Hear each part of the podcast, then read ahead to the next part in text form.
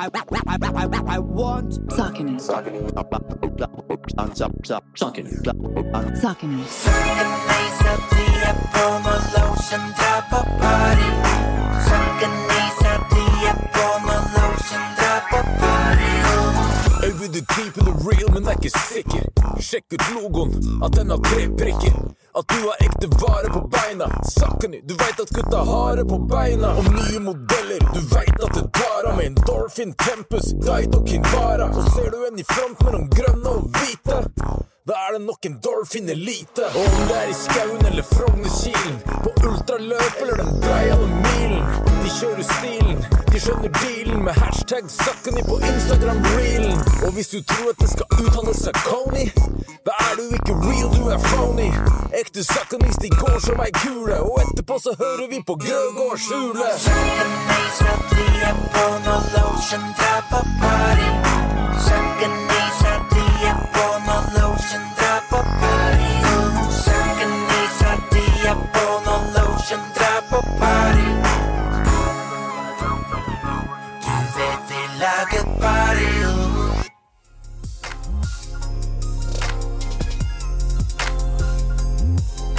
Hjertelig velkommen til en ny episode fra Grøg og skjule. I dag har jeg besøk av en verdensmester på både kapasitetsøvelsen 15 km og selve kongeøvelsen femmila. Likevel fremstår han nokså beskjeden og jordnær. Kanskje ikke så rart, for verdensmestertittel til tross er han foreløpig bare nummer to i familien på flere distanser i løping. Nå er langrennsskia byttet ut med løpesko, med formål om å overta tronen som alfa i familien på alt fra 3000 meter til maraton. Hjertelig velkommen, Hans Christer Holund. Tusen takk. Ja, du la jo opp etter, sesong, eh, etter den sesongen som var, da.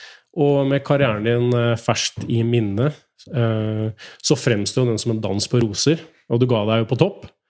Eh, Det er en sannhet med modifikasjoner, kan vi vel si. Eh, Noe vi kommer mer tilbake til. Nå er du kjent som en folkekjær langrennsløper som har gitt det norske publikum en rekke fantastiske idrettsopplevelser. Men nå sitter du her som en løper. Det er iallfall det Strava definerer deg som. Hva tenker du sjøl? Ja, ja. Det er, eh, det er ikke lett å liksom Ja, jeg var vant med å trene mye gjennom hele livet, og så bare stoppe å konkurrere. Det, det går ikke. Så eh, å, å konkurrere i langrenn eh, framover, det på en måte Det er jeg litt ferdig med. Og jeg tror nok ikke det gir meg samme glede å gå Birkebeinerrennet og bli nummer eh, 17, på en måte, når jeg eh, kanskje hadde tidligere hatt kapasitet til å være på pallen. Eh, Men løping, da er jeg en av massene. Da er jeg en eh, mosjonist. Løp mot klokka. Jeg bryr meg egentlig ikke om plassering eller noen ting. Det er kun, kun klokka som gjelder, og det, det er gøy. Kult. Eh, Jeg har jo sett litt i forkant eh, av intervjuet her på noen av merittene dine. Tenkte jeg kunne liste opp noen av de i hvert fall. Du er jo som sagt verdensmester på 50 km fristil. Verdensmester på 15 km fristil. Verdensmester to ganger på stafett. OL-bronse på 30 km. Du har VM-bronse på både 30 og 50 km. Fem NM-gull på stafett. 14 pallplasser i verdenscupen, derav to verdenscupseiere. Du er juniorverdensmester på 10 km helt tilbake i 2008, og debuterte da eh, i verdenscupen i Lahti i 2009. 2009. Så fikk altså da 15 sesonger på toppnivå. Eh, Når du ser tilbake på det her, hva, hva henger høyest?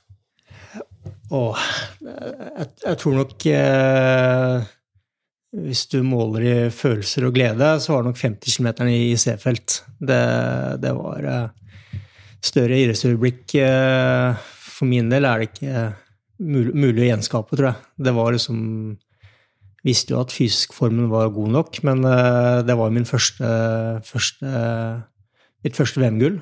Og eh, ja, eh, det kom, kom litt som en overraskelse på meg og, mange andre. Hvis jeg skulle rangert eh, prestasjonen, så tror jeg nok eh, 15 km i Oberstdorf eh, var bedre. Da var jeg bedre trent enn i 2019. Eh, og eh, ja, det var enkeltstart, 15 km, mann mot mann, ren kapasitet eh, i en tøff løype. Eh, og ja, vant, vant med en god del. Så, Så det var nok eh, i 2021 Det var nok eh, det mesterskapet hvor jeg var i best fysisk form. så fall. Og En ting er liksom å være i best fysisk form eh, og, og, få ut på, på, dagen, men altså, nå driver du med løping. Det er, måte, det er egentlig bare løpeskoa og, og, mannen oppå, men i langrenn er det så vanvittig mye andre variabler som kan slå ut på dagen med, med dårlig ski. Du kan være best forberedt i feltet og ha dårlig ski, og så lykkes du ikke. Er det, er det befriende nå bare å drive med løping, eller var det også en ting som appellerte veldig til deg med, med utstyr og sånn i langrenn? Nei, det er, det er, jo deilig. Altså, løping er jo enda mer fair enn langrenn, da. Så det er eh, Du har liksom ingen unnskyldninger. Eh, og eh, mens i langrenn så er det som du sier, det er mye, mange ytre faktorer som, som kan spille inn. Eh, du har skia, du har føre. Eh, I 2021, så det var midt under covid, da gikk vi lite World Cup. Og og jeg og Simen var helt eller dårligst sida i Red Group, da, som er de 15 beste. Som vil si at vi kunne velge startnummer sist. Og, og det var et mesterskap hvor det var veldig varmt. Så vi starta jo på dårligst mulig forhold, egentlig, i forhold til våre konkurrenter. Så det gikk jo heldigvis bra, men det er jo sånne ting som kunne ha ødelagt hele, hele rennet. og du kan si sånn hadde vi starta ti minutter seinere eh, den dagen, så, så, tror jeg ikke at verken jeg eller Simen hadde blitt noe med én eller to. Og når vi sitter her, da, så er det to uker siden det løp 31.04 eh, på hytteplanmila. Eh, det må vi selvfølgelig snakke en del om i det forumet her, når det er løping. Men eh, du har også lagt ned en del maratonspesifikk trening som virker veldig lovende inn mot en kommende maraton i Valencia. Som nevnt så har du hatt en lang og innholdsrik karriere, så det er mye vi må diskutere her. Men jeg tenkte vi kunne begynne med hvem er denne Hans Christer? Ja. Det Ja, det er et bredt spørsmål, da. Eh, ikke noe jeg går rundt og tenker på i hverdagen. Eh, så Eh, men jeg kan jo forklare hva jeg gjør, da. Og det du gjør, er kanskje den du er. Så eh, jeg har jo vært eh, skiløper. Det, så det å gå fort på ski og prøve å prestere best mulig på skiarenaen har jo vært det som har tatt mesteparten av tida mi de siste 15-20 åra. Og så har jeg to barn. En på tre, to gutter. En på tre og en på syv måneder. Og så eh, nå så jobber jeg som Eller jobber, altså jeg jobber for meg sjøl som uh, investor på børs. Ja. Så skal jeg kommentere langrenn uh, for Viaplay til, til vinteren. Så, um, så, det er uh, Ellers så tror jeg at jeg er en ro, ganske rolig fyr. I så fall det er blitt fortalt. Kan bli stressa, jeg òg, men, men ja. Og så er jeg glad i å konkurrere og syns det er gøy. Ja, for det, det, er jo det inntrykket du har satt igjen hos de fleste som følger med, tror jeg. At du er en ganske lavmælt, hardtarbeidende og ærlig type. Det er vel en riktig beskrivelse også i dine ja, da, ja da. Jeg har uh, troa på så hardt, hardt arbeid, og, og at uh, jobben må gjøres, som Ulriksen uh, sier. Mm. Uh, om du skulle beskrevet deg sjøl som si, privatperson da, og idrettsutøver, for det er jo noe som våkner i deg, villdyr, når du konkurrerer. Er det, liksom, er det noe du føler du må skru på, eller kommer det liksom naturlig når du er i konkurransesetting? Jeg, jeg, jeg, må nok skru det litt på, ja. Jeg er nok kan man si, litt, litt mer layback i hverdagen når jeg ikke er på trening. Men jeg har på en måte en Jeg har den derre Altså, for noen år tilbake når jeg ble far og sånt, så var jeg litt redd for at jeg skulle bli litt for soft. Mm. I så fall det første året, men, men det, er, det, er, på en måte noe som vekkes når jeg får startnummeret på, på, på, på, brystet. Mm. men jeg er ikke sånn som kan Jeg konkurrerer ikke alt. Om jeg taper i kortspill, så kunne jeg ikke brydd meg mindre. Men uh, for ting som betyr noe for meg, så, så er det instinkt der. Mm. Jeg kjenner meg, kjenner meg, igjen i det. Og ikke minst jeg har en bror òg som, som, er fotballspiller. Og som eh, er eh, kanskje litt lik sånn som deg, sånn i personlighet. Så han har jo faktisk fått uh, honnør av egen trener han får gul kort i match. For å liksom vise en litt sånn faen, at det bor litt, en liten faen i han. Da. Ja, ja, ja. Og det, og det tror jeg må til. Skal man prestere i idrett, så må du ha den Du må ha en liten jævel inni deg, da. Mm. fordi det er Nå har ikke jeg løpt maraton, men uh, nå skal jeg løpe maraton om under en, en måneds tid, og jeg veit at de siste ti kilometerne kommer til å bli uh, grusomt. Så du må på en måte ha en uh, Ja, ha en liten sånn faenskap i deg, da. Og, men du har jo vært gjennom mye av det tøffe før, og du har gått femmil på ski, så du, du vet på en måte litt hva du går til. da. Selv om du kanskje ikke kjenner til det muskulære, så vet du iallfall det å grave dypt over, over tid. Jeg vet ikke om du finner den motivasjonen i å f.eks. pushe ned mot 2,20 på maraton, som i å bli verdensmester på 50, men, men eh, du må prøve å gjenskape noe av det, i hvert fall. Ja da, ja da. Så det er eh, Nei da, så jeg skal jo løpe maraton, og, og eh, jeg er jo ikke godt nok trent nå til å løpe eh, så fort som jeg ønsker. Men eh, det her er jo eh, noe jeg håper å kunne holde på med i noen år. Som mosjonist, vel å merke. Eh, så, så jeg håper jo kanskje til neste år, hvis jeg får lagt ned litt mer trening, at jeg kan, eh, kan eh, ja, løpe på nivå med Ulriksen og den gjengen der. Mm. Du er da 89-modell fra Nittedal. Eh, hvordan har det forma deg å komme derfra i oppveksten, sånn positivt med tanke på idrettslig satsing, eller? Eh, vi hadde et veldig, veldig godt miljø eh, i, i Nittedal. Og ja, at det ble langrenn, er vel Altså, jeg har en far fra Øst, som kommer fra Østfold, og en mor fra Bergen. Og det er jo ikke steder som er kjent for å ha så veldig mye snø. Så det er kanskje litt tilfeldighet at det ble langrenn, men, eh, men eh, Så jeg tror nok da at jeg vokste opp i Nittdal, hvor det var et godt skimiljø eh, og gode skiforhold, gjorde at jeg etter hvert starta å ja, satse langrenn fremfor andre idretter. Så ja. Det er ja. Og nå, nå, som du er skal vi kalle det en supermosjonist og har litt sånn kommenteringsjobb å si, og kanskje litt investeringsgreier, så eh, er det jo faktisk sånn at gjennom din elitekarriere så hadde du noen sidejobber da også. Eh, kanskje ikke så kjent, men du jobba litt i sportsbutikk og litt vaktmester. Hvordan fikk du det til å gå rundt med, med toppidrettssatsing?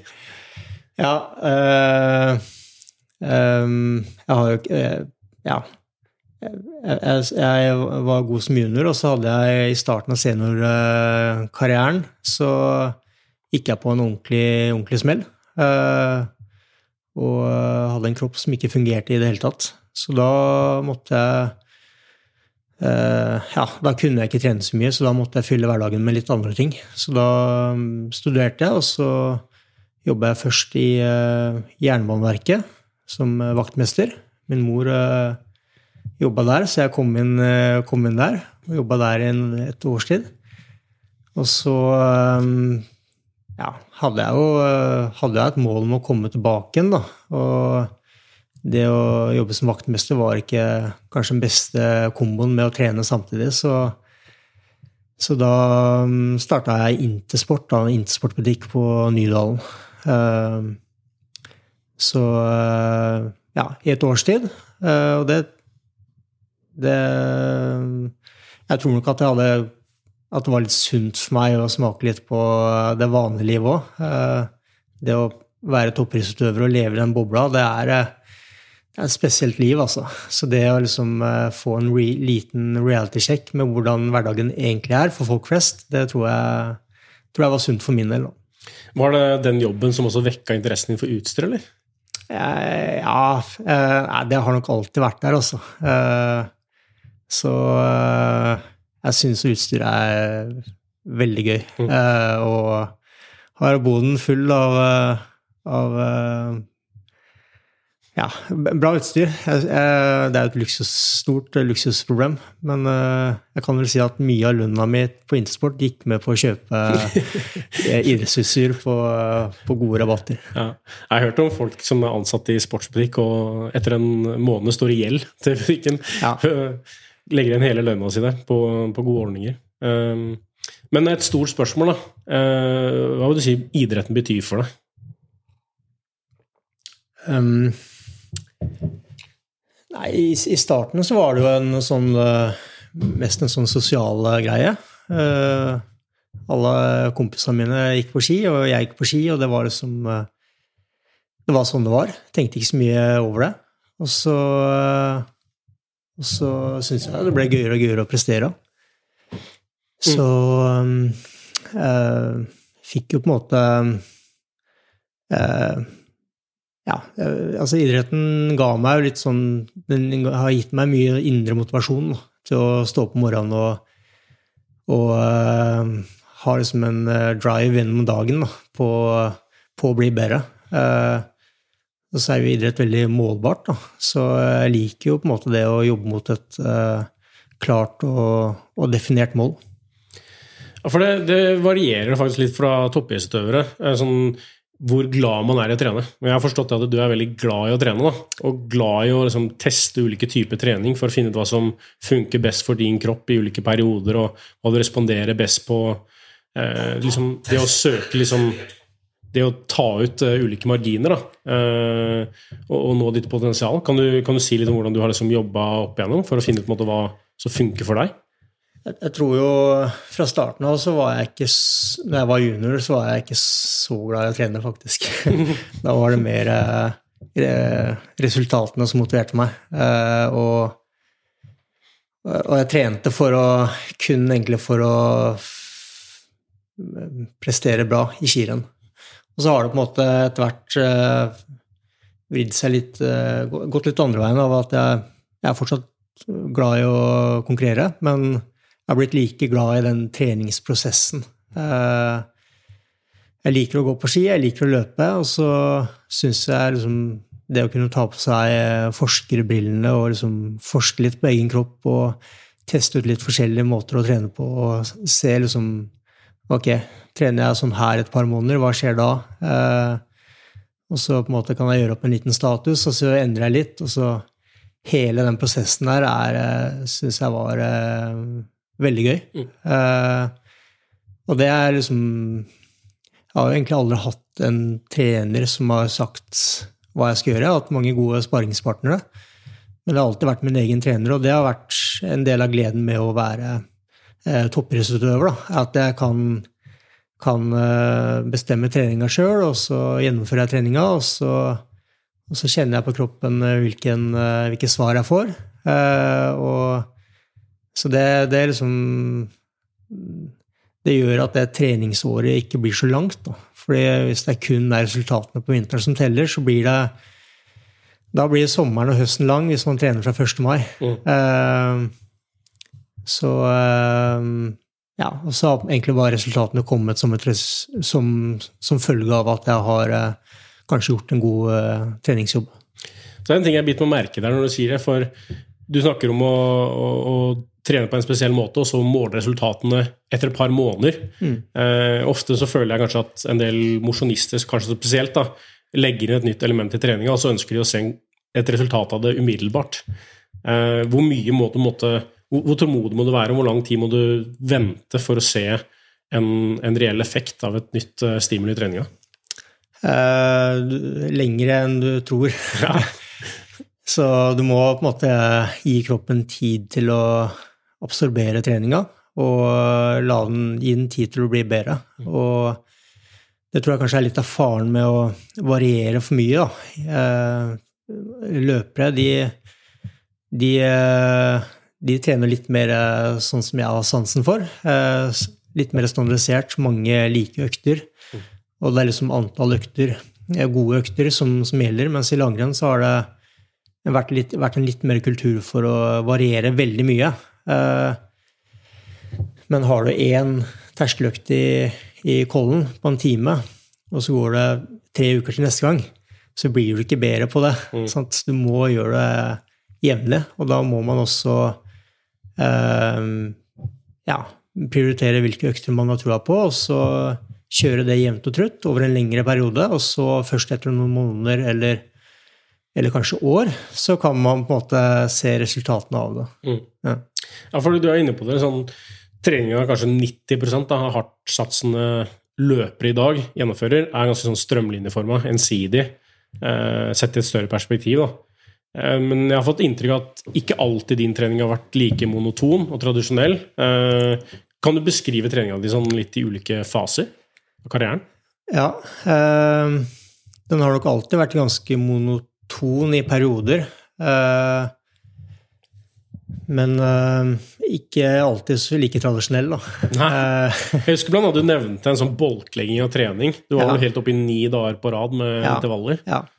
Nei, så det har jo litt med hvilken tid man eh, vokser opp i, da. Så hvis du tar løping i dag, så er det jo liksom dobbel terskel. Det er eh, ja, barn fra 12-13 år kjører dobbel terskel, liksom. Eh, mens når jeg vokste opp, så var det jo eh, Ja, som junior så var det jo Dæhlie og, og Alsgaard og de gutta der, da, som var eh, heltene.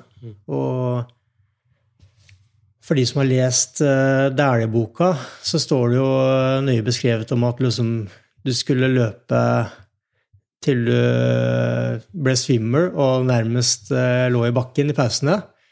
Og så skulle du løpe to drag til. Uh, det var liksom, så desto mer du tok i, desto bedre ble du. Og hvis du ikke fikk de resultatene du ønska, så måtte du bare ta i mer. Det var liksom uh, det var tanken. Så det var jo liksom en periode på trening hvor du liksom Ja. Eh, du, du skulle ligge i grøfta etter en eh, elgutøkt. Eh, Og det gjorde du? og det gjorde vi, alle sammen. Og så var det sikkert noen som eh, faka enkelte dager, da, ikke orka å ta seg ut så mye, men eh, du skulle ligge i grøfta i minst et eh, minutt på slutten av økta. Har du noen gang faka sjøl? Eh, kanskje. så, og hvis det var noen som eh, spydde og sånt, så var det, da var det high five, liksom. Så det var um, Ja. Uh, vi kunne ikke så mye om trening på den tida som det vi kan nå. Uh, og så ble jeg jo eldre junior. Uh, nei, ja, eldre junior. 1920. Eh, og da var det Bolklegging var veldig vinden. Så Og på den tida så var det Det var ikke dobla hardøkter på en dag, men det var én intervall om dagen, men mange dager på rad, da. Eh, og da var det Da kunne det være som sagt fem, seks, syv intervaller på rad en uke. Og så var det kanskje en uke uten noen intervaller i det hele tatt. Så tanken var den der superkompensasjonen, da, hvor man liksom skulle bryte kroppen eh, ordentlig ned. Langt ned i kjelleren, og så liksom bygge seg opp igjen, da. Eh, så det mm, funka jo for så vidt veldig bra, helt til det ikke funka lenger. Eh, trente jo med en skyhøy eh, risiko på treninga. Så det en Det var nok mange som trente seg i grøfta på den, den måten å trene på. Marit Bjørgen hadde jo flere sesonger hvor hun hadde eh, gikk ganske dårlig. Eh, trente seg i senk. Og det ble nok min skjebne òg uh, etter noen år. Uh, Funka bra i to-tre år, og så og så skulle jeg spisse til eh, litt når jeg ble senior, og, og trente mye hardt, men la på en del volum. La på en del eh, rolig trening. Og det var det som bikka, bikka for min del. Og så var det Ja, hadde jeg de åra hvor jeg jobba og studerte. Um, da trente jeg lite, var egentlig student. Så bytta jeg um, ja, jeg trente jo for å komme tilbake igjen, da. Men da var jeg i Nittdal uh, aleine med fattern, og vi ble liksom Vi starta å måle mye laktat. Ble, ble liksom veldig forsiktig da, med å ta i. Fordi vi var redde for å liksom For at jeg skulle få pakka lår, da, som var liksom uh, Det var den perioden hvor mange fikk pakka lår. Eh, og um, sett i ettertid så så ble jeg nok litt, uh, litt Litt sånn hypokonder, nesten, på den tida. Litt soft. Uh, våkna om morgenen, kjente etter åssen er muskulaturen når jeg går opp trappa nå. Uh, liksom hadde en litt dårlig, dårlig dag, så var det liksom krisemaksimering og kom inn i et veldig dårlig spor, da. Eh, og så bodde jeg på Nordberg på den tida, og, og det, det er jo midt i Lynland. Så starta jeg å trene med Lyn. Eh, hadde vel egentlig bestemt meg for å legge opp eh, etter 2012-sesongen. Men så ga jeg, ga jeg det ett år til eh, i Lyn. Og eh, jeg tror nok i og med at jeg nesten hadde bestemt meg for å legge opp, og liksom klart å senke skuldra litt og komme inn i et nytt miljø hvor det var litt mer litt eh, tøffere trening. Og med en som heter Hans Christian Stalheim, da, en veldig flink trener, som eh, Det var nok det året som eh, snudde ja, egentlig først og fremst hodet for min del, altså. At jeg liksom turte å ta igjen, eller ta igjen på trening. Så fikk jeg god, en god sesong i 2013, og så ja, har det gått uh, ganske bra siden da. For Du blir jo da junior-verdensmester i 2009, og så 2008. 2008, ja. Mm. Riktig. Og verdenscup i 2009. Og så går du skikkelig i veggen og jobber som vaktmester og, og, og trener som eh, Eller ja, det blir på en måte som en mosjonist, iallfall utenfor landslaget. I den perioden der så måtte hvordan, hvordan, opplever du det, og ser du liksom Ser det for deg at en eller annen dag at du kan bli verdensmester, sånn som du ender opp til slutt? da? Er det, liksom, er det realistisk? Tenker du det noen gang der? Nei, ikke i det hele tatt. Det var helt Det, det var det, var et, det, hadde vært et eventyr, skulle jeg tenkt på det i mellom 2010 og 2013. Hva er det som driver deg da? Nei uh, Det er jo litt Det var nok litt det derre savnet etter å gå, gå, fort på ski, da. Uh, hadde jo veldig mye, mange gode opplevelser som, som junior, og så plutselig går alt skeis, og så Det var ikke det, var ikke det at jeg liksom eh, var skikkelig nedfor i tre år, liksom, men jeg savna den følelsen av å, av å prestere. Eh, så det var nok det som eh, gjorde at jeg fortsatte de årene der. Eh, men det var eh, veldig nære ved at jeg hadde lagt opp. Kan, hadde jeg ikke bytta klubb og kommet inn, et, kommet inn, i et nytt treningsmiljø, så, så hadde jeg ikke sittet her, her i dag. Da er det en shout-out uh, Stadheim. ja, og, eh, men også egentlig hele miljøet. Uh, jeg var jo også litt, litt skeptisk da jeg kom fra Nittedal og liksom som, uh, ja, som junior så var det liksom Det var Nittedal og bygda mot byen, liksom. Heming og og ja, for så vidt Lyn òg. Mm. Så jeg var litt usikker på om jeg skulle passe inn, da. Men uh, Lyn er, var en veldig sånn, jordnær og fin klubb, altså. ble jo tatt veldig godt imot, og, og så ja, Stadheim mye skal ha mye av æren, men også de hele den gruppa jeg trente med. Mm. Og denne bolklegginga av treninga som du drev med en periode, den ga deg åpenbart ganske mye, da. Men hvis du fikk sjansen, ville du gjort en del annerledes også? På nytt? Um, jeg tror jo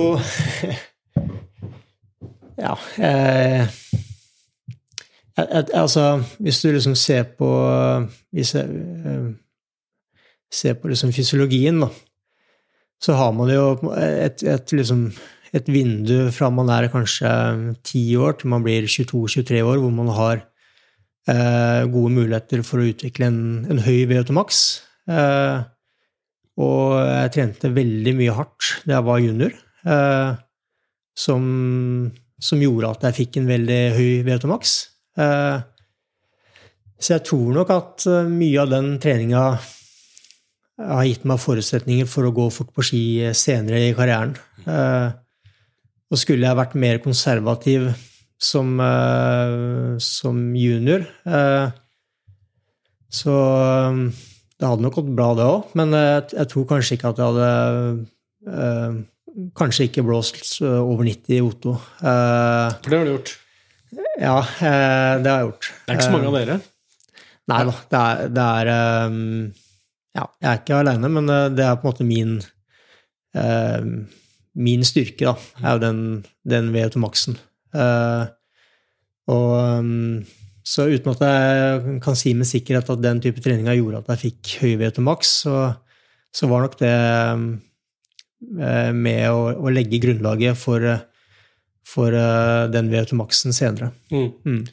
Så er det mange som snakker om sånn, det er å oversette løpetreningsprinsipper da, til langrenn. Annet det med, med dobbel terskel. Da. Har du noe tro på det som, som langrennsløper? Jeg forsto det slik at du eksperimenterte litt med det mot slutten av karrieren? Ja Um, um, det, det, Altså Løping og langrenn er jo to arobe-idretter, begge, begge deler. Så ehm, jeg, jeg, har troa på dobbel terskel, men jeg tror ikke at man må trene dobbel terskel som skiløper for å for å Jeg tror ikke det er noe man må gjøre for å, for å ta VM-gull. Største forskjellen sånn jeg ser det mellom løping og, og, langrenn, er jo den mekaniske belastningen i løping som gjør at uh, en kan trene En kan ikke trene så mye. altså, selv Sondre Norsen Moen som løper jeg vet ikke, 200 km kanskje i uka, har jo kanskje bare 14 eh, timer, da. Eh, og for en skiløper så er 14 timer lite. Du blir ikke verdensmester på, på 14 timer trening i uka. Eh, men i løping så kan du ikke trene mer, og da må man også prøve å optimalisere de 14 timene best mulig, uten å bli skada. Og, eh, så, så, da ser jeg jo at dobbel terskel eh, gjør at man kan få mye tid eh, rundt terskel uten, å, uten, at den mekaniske belastningen blir altfor stor. Da.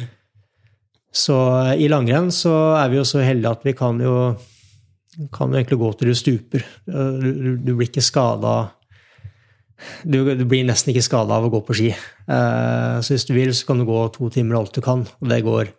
Du er ikke liksom muskulært banka dagen etterpå. Uh, så det er nok uh, Det at man kan trene mer som skiløper, gjør jo også treninga enklere, på en måte. Fordi ja, en har muligheten til å trene mye. Men siden du nå hadde hatt muligheten til å trene akkurat slik som du ville for å bli en best mulig løper, vil du da løpt på en måte maks antall kilometer du tåler, og så lagt på veldig mye alternativt, f.eks. rulleski og ski gjennom vinteren? Eller vil du bare prioritert løpinga? Eh, for min del nå, eller hvis jeg skulle starta på nytt og blitt Nei, for din del nå. Du skulle tatt ut ditt potensial nå. Nei, altså øh, Nå er jeg mosjonist, bare for å liksom ha det klart. Mm. Men øh, jeg har jo et mål om å løpe under 22 på maraton. Og da må jeg øh, legge ned en vesentlig bedre jobb enn det jeg har gjort i, i år. Uh, og så merker jeg at jeg er nok ikke jeg er ikke skapt og Jeg er nok mer lagd for å gå på ski enn å løpe. Da. Jeg har et litt sånn tungt løpesteg. Eh, tåler den der asfaltløpinga dårlig, altså. Eh, så eh, Og og eh, skal jeg nå målet om sub 220, så må jeg jo mm, trene langt mer enn det jeg gjør nå. Eh, jeg tror jeg aldri kommer til å tåle 150 km i uka. Eh, så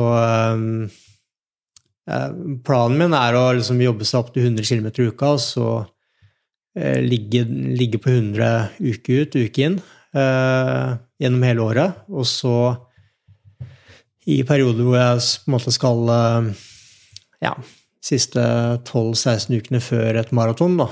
Kanskje legge på litt eh, skitrening eller rulleskitrening, da. Eh, det, det, tror jeg for min del kanskje er det optimale, eh, i og med at jeg eh, ja, enn, en så lenge så tåler jeg den asfaltløpinga dårlig. Eh, så håper jeg at det blir bedre, men eh, nå har jeg jo løpt i så fall regelmessig siden august, på asfalt, og det Ja, jeg syns det går sakte. Hadde, hadde du spurt meg i august, så hadde jeg trent langt mer enn 80 timer i uka. Da, men det er jo sånn der. Så må du nesten bare la kroppen justere eller si fra om hvor mye trening jeg tåler. For en eh, vanlig mosjonist så er jo åtte timer i uka ganske habilt. Men jeg husker et eh, intervju du gjorde med Jan Post det var vel i koronatida en gang, kanskje mot slutten av din elitekarriere. Så, Så nevnte du at du hadde enkelte dager med langturer på sånn fem til syv timer. Og uketotalen var kanskje ikke sånn ekstrem um, for en utøver av ditt kaliber, da. men måten du eh, la det opp fra da til da, var ganske utradisjonell. Eh, kan du si litt om hensikten bak det der? Altså det var jo, Da har du jo ganske ungt barn, altså kanskje en familiesituasjon som legger visse hensyn sånn. Men tenkte du måte at du ønska å strekke strikken virkelig på noen dager, for så å hente deg litt litt inn og sånn, eller hva var hensikten Ja. bak? Um, tanken var jo at uh, fram til da, så Eller fram til 2020, da, så var eh, langturen på tre timer. Eh, intervallene var på mellom 45 minutter og, og en time. To til tre intervaller i uka. Eh, og den type trening hadde jeg gjort i ganske mange år. Og så følte jeg vel etter hvert at her kommer jeg på en måte, her kommer jeg ingen vei. Jeg stoppa liksom å Ja, jeg tror kanskje kroppen hadde blitt så vant til å trene på den metoden at det var liksom Det var ikke noe nytt stimuli eh, som jeg tilførte som gjorde at jeg skulle bli noe bedre. Eh, og så hadde jeg eh, Det starta vel egentlig tilbake i 20 Sommeren og høsten 2018. Da trente jeg Det var det året jeg trente mest hardt som senior. Fordi da hadde jeg hatt en optimal oppkjøring til OL. Ble nummer tre i OL i Pyeongchang. Men jeg følte vel ikke at jeg kunne gjøre så mye mer med den type trening. Eh, så året etterpå så, så trente jeg mer hardt, eh, litt mindre volum. Så det du kan si 2019-sesongen, så trente jeg vel eh, opp mot 8, alle vel rett under 800 timer det året. Og testa jo eh, VO2 Max på våren. Trente masse hardt gjennom sommeren. Testa VO2 Max på høsten. Og VO2 Maxen ble dårligere. Eh, og eh, jeg følte meg litt sånn utbrent egentlig den høsten der, fordi jeg hadde trent så mye hardt. Så det er liksom, da skjønte jeg at eh, her har jeg ikke mer å hente. Altså, jeg klarer ikke å øke VO2 Maxen min. Det er liksom kommet Jeg har liksom nådd mitt tak, da. Og så um, krevde det mye energi og overskudd av å trene på den metoden, så, eller måten, så Så Ja, det, det, det endte jo ironisk nok med et VM-gull i 2019, men hvis du ser på sesongen under ett, så var det en dårlig sesong. Det var så vidt jeg klarte å karre meg til, eh, til VM, og hadde ett godt firen, og det var den femmila. Så, um, så året etterpå så snudde jeg helt om på det. Trente veldig lite hardt gjennom sommeren. Og, um, og hadde en del sånne lange skiturer på, på våren. Og følte at det at jeg kom i veldig god form av de lange turene. men testa jeg VO2 Max på nytt på våren. Etter å ha trent nesten ikke noe hardt i hele tatt, bare gått lange langturer. Og VO2 Maxen var høyere på våren enn det var høsten i forveien, da jeg hadde trent masse hardt. Uh, ja, så det, det, var liksom uh, Det var det som gjorde at jeg kom inn på tanken på at uh, kanskje det har, har, noe for seg, disse lange langturene. så det jeg føler med disse, følte med disse femtimersturene, noen ganger syv, var at det skjedde, skjedde noe med kroppen fra, fra tre til fem timer som, som ga meg et, et nytt stimuli som, som, gjorde at jeg kanskje klarte å ta et steg til. Da. Så det, hva som er, er, grunnen, altså det å gå fem timer veldig rolig Det er ikke logisk å tenke at det skal gjøre deg bedre på en, på en 15 km. Men jeg så jo året etterpå at jeg gikk jo, gikk jo egentlig fortere i alt fra sprint til femmil ved å trene mer volum, mindre hardt og lengre langturer. Mm. Så det er litt sånn eh, liksom, Jeg tror du aldri kan forske på liksom, hva som er grunnen til det, men eh, det er litt sånne praktiske Litt sånne ja, erfaringer eh, eh, det, er liksom, det er alltid en sånn eh, balansegang mellom teori og praksis. Eh, te, teorien sier kanskje noe, men så kan du prøve å trene det stikk motsatte, og så viser det seg at det, det gir god, god effekt, det òg. Så det, det, det, var tanken bak det, at det, liksom, det stimuliet jeg fikk ved å gå liksom fire, fem, seks, syv timer. Um, og, og, så var det jo Med familie så var det jo også uh, praktisk i hverdagen. Da, å på en måte gå på jobb uh, om morgenen. Og, og, liksom være ute i fem til syv timer. Og så når ettermiddagen kom, så var jeg ferdigtrent. Og så var det jo litt gøy da, å prøve noe nytt. Uh, man blir jo litt Jeg ble jo litt lei uh, kanskje etter hvert. Det var liksom bare gjøre det samme år etter år etter år. Så uh, jeg syns det var spennende å liksom snu litt om på treninga da, og prøve, prøve, noe helt nytt nå. Så blir det jo enda gøyere når, når det viser seg at det funker, da. Men det er nok ikke en trening jeg anbefaler til Du skal være litt spesiell da, for å trene på den metoden. Men for å se litt sånn overføringsverdier da, til kanskje de som lytter her, da, og kanskje ikke Kanskje man trener da 25-40% av det du trente. Si en mosjonist kanskje trener mellom 5 og 10 timer i uka. da. Uh, er det noe av det her man kan overføre til en mosjonistløper som ønsker å løpe maraton? Um, nei, for i løping og maraton så så har jeg nok mer trua på å legge ned en del tid eh, på og rundt maratontrening. Eh, rett og slett fordi at eh, ja, som eliteutøver, skiløper, så, så, kan du trene 30 timer.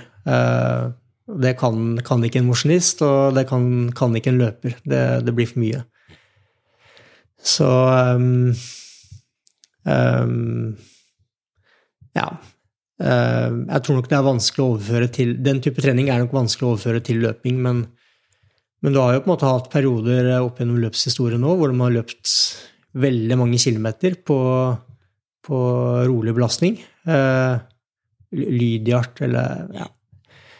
Um, og, og, som har hatt god effekt, så Men um, ja. Um, jeg tror nok det blir vanskelig å overføre den type trening til, til en mosjonist. Mm. Mm. Eh, nå er det jo snart det er vel to uker siden cirka, at du løp hytteplanmila på 31,04. Uh, jeg tenker sånn Når man ser den tida, det er jo fantastisk bra, uh, men det er lett at man undervurderer da, en toppidrettsutøver som gir seg ut på en uh, ny idrett. Eh, du var tidligere i verdenstoppen i langrenn. Du er vant til å være blant de beste. Og for all del 31,04, det, det, er fort. Det er bl.a. fire sekunder fortere enn Kristian Ulriksen da, på 10 km gate. Det er 3,07 på kilometeren. 19,25 km i timen i snitt for de som ønsker å teste det på mølla. Likevel så er det jo rundt fem minutter da, bak verdenseliten.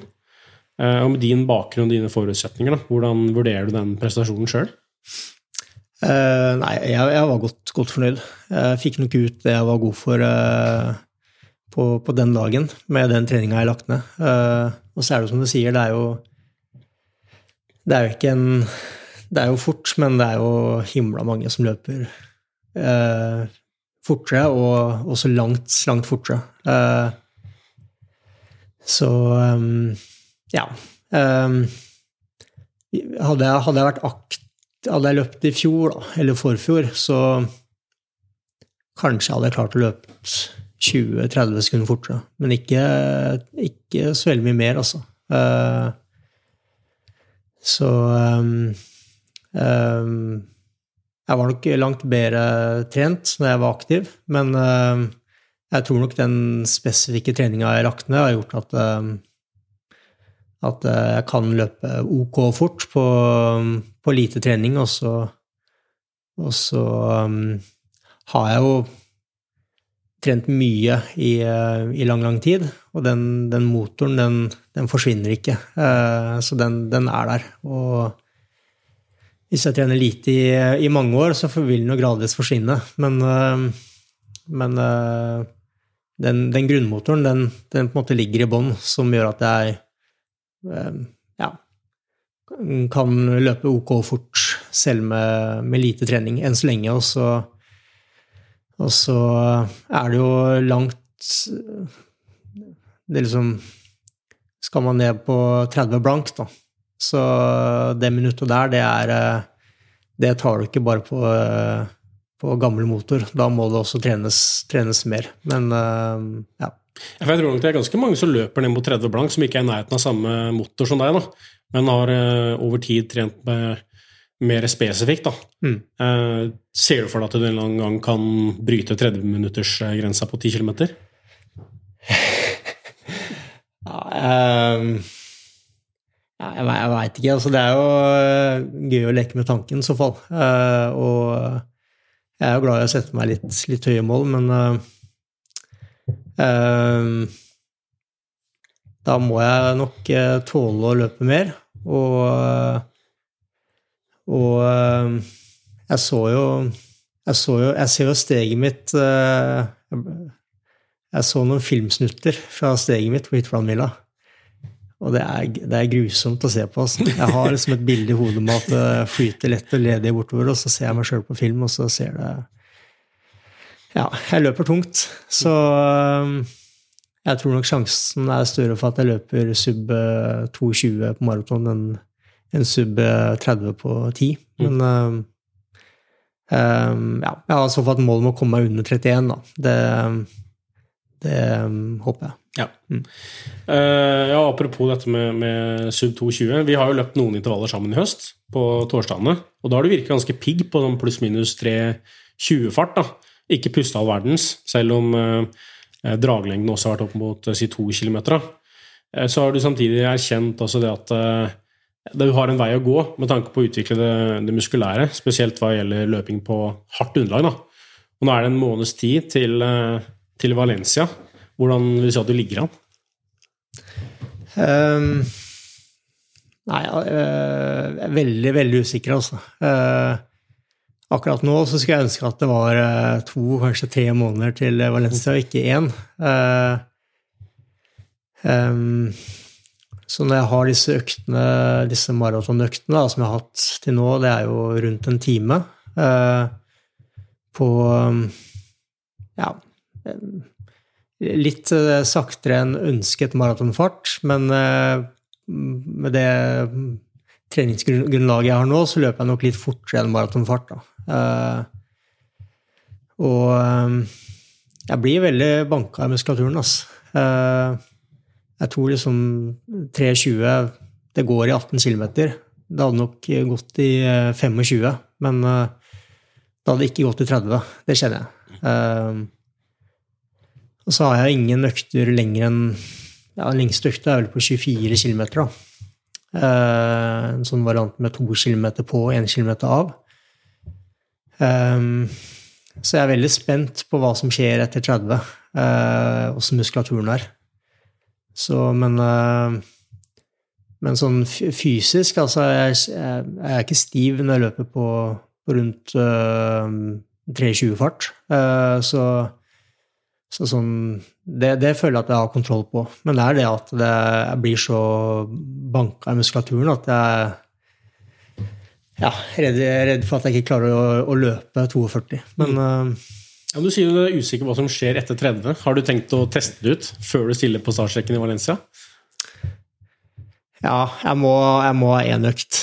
Uh, men jeg tror ikke det blir, blir, så mye mer enn det, altså. Uh, så nei, jeg er litt, litt usikker. Jeg, jeg, merker at jeg er ikke helt på hjemmebane når det kommer til den type trening. Jeg mangler på en måte erfaringa, og så og så hører jeg og leser jeg om hva, hva andre har gjort. Uh, men uh, Men ja, jeg vet ikke. Hva ville, ville du gjort?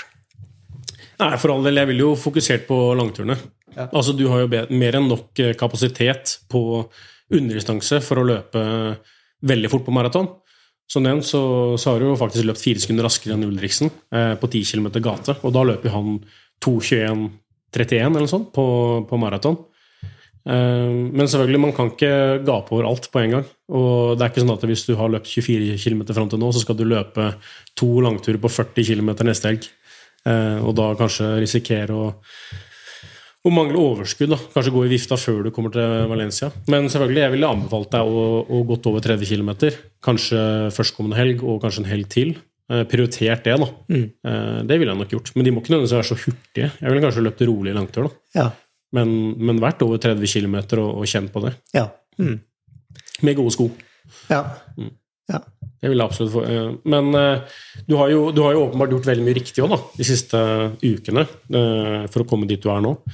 Eh, Og med deg i banken så har du jo bra kapasitet på underdistanse. Kan, du- kan du nevne noen perser på si 3, 5 og nå 10? Var vel pers da på hytteplan?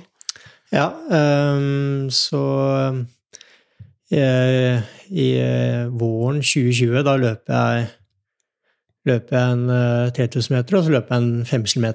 Um, det var jo midt under nedstengninga av, av Norge i covid-perioden. Eh, og ehm, så hadde jeg 8.33 eh, på 3000 og 14.51 på 5 km.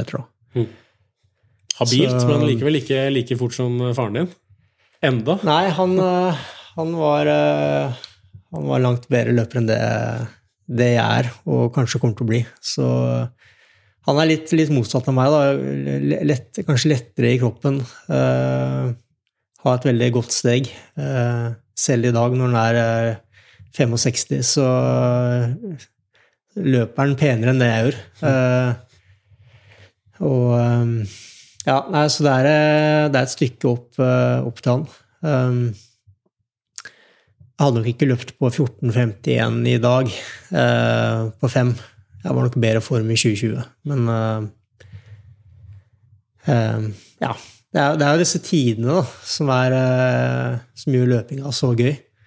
At man, eh, man trenger ikke være konkurrere om seieren eller konkurrere om å være topp ti. Altså alle konkurrerer mot seg sjøl og konkurrerer mot sine egne tider. Og, og, så det er liksom eh, det, er, det er litt det jeg liker med løping, da, at du har det målbare.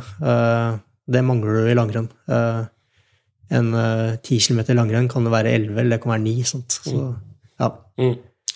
Uh, og for å sette ting i perspektiv, da, det er 31.04-løpet ditt. Det gir 866 poeng på Internasjonale friidrettsforbundets indeks.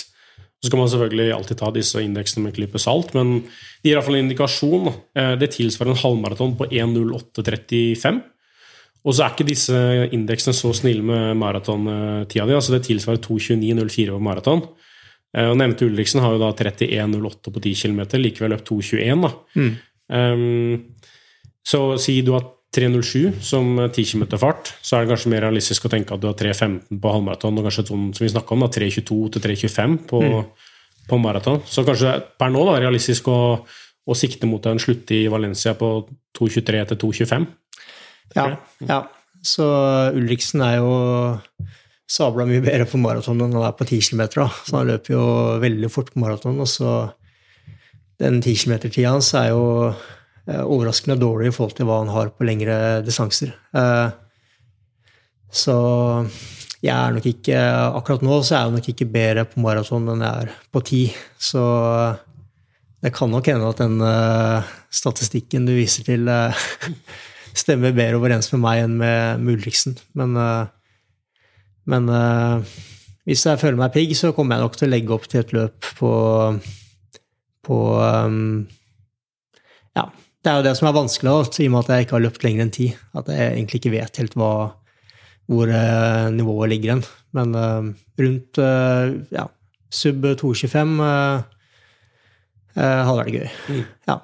Og for de som ønsker å følge den reisen mot Valencia Marathon og endelig resultatet der, så er det bare å finne deg på Strava. Der har du publisert stort sett alt av trening. Ja, ja. Så øh, fikk jo spørsmål da jeg kom inn døra her om at jeg trener noe mer. Jeg gjør jo ikke det. Så Ja, for Det er faktisk ganske mange som har spurt meg om det. Om de ikke tror at du trener ganske mye mer fordi okay. du løper på disse tidene, og, Ja. og ikke logger mer timer. da. Du som er vant til å trene veldig mye òg, så har de Mm. regna med at eh, kanskje du har muta Strava litt på mengdetreninga utenom. Men det er det du får på Strava som er realiteten. ja, det er realiteten. Så du har, øh, har vel ikke sett Det er vel ingen som har sett meg gå på rulleski langs riksveien i år, så, så jeg har øh, Jeg har Nei, jeg, jeg gikk en, eh, et showrenn i Trysil. En rulleskisprint der. Eh, og eh, da hadde jeg to klassiske turer før det. eh, så gikk jeg den. Og, eh, og Eller rulleskisprint. Altså vi gikk kanskje ja, to-tre kilometer, da. Og ble jo uh, gått rett ifra av eh, Anders Aukland, eksempel, som har bikka 50 år. Så så det er den, den der har jeg tapt meg veldig, altså. Uh, Men uh, som sagt, jeg, tr- jeg tror nok den motoren Det er ikke så lenge siden jeg la opp, så flyter godt på den motoren enn så lenge, og så veit jeg at det varer ikke evig. Eh, Og skal jeg løpe fortere enn det jeg gjør i dag, så, så eh, kreves det mer trening. Om en måned til Valencia Marathon da, så tenkte jeg det er passende å snakke om noen du åpenbart har skikkelig peiling på. Formtopping. Eh, for med ni starter i internasjonale mesterskap, altså da VM og OL, så har du fem medaljer. Det er jo helt enorm uttelling. Eh, du har jo sagt da en gang en eller annen sted jeg fanga opp at uh, dette med formtopping så handler det om å sjokke kroppen for å fremprovosere en respons. Kan du si litt konkret hva du legger i det? Ja, um, det er flere måter å gjøre det på, da. Uh, så jeg har kanskje moderert meg litt siste åra. Uh, men eh, eh, så å komme i form, det handler jo om å på en måte prestere litt bedre enn det nivået man har ellers i, hverdagen, da, eller i treningsåret. Eh, så det handler på en måte om å lure kroppen litt til å prestere litt bedre enn det den egentlig er god for. Eh, og da må man jo gjøre, gjøre noe nytt, eller noe som er annerledes. Så er det jo litt forskjell på formtopping fra en skiløper til en løper, og, og fra en eliteutøver til en mosjonist. Fordi det, ja, det er to forskjellige idretter, og det kommer helt an på hvor mye man har trent på forhånd. Um, så for um, ja, uh, hvis jeg skal på en måte beskrive min formtopping som skiløper, da, så starta jo den prosessen allerede 1. mai ved at jeg eh, trente landet mye volum på eh, sommeren og, og høsten. Eh, og eh, du kan si den enkleste måten å komme i form på, er jo å slippe opp på, på treninga. Um, men det krever at man har noe å slippe opp med, kan du si. Uh, Snakk for deg sjøl. ja.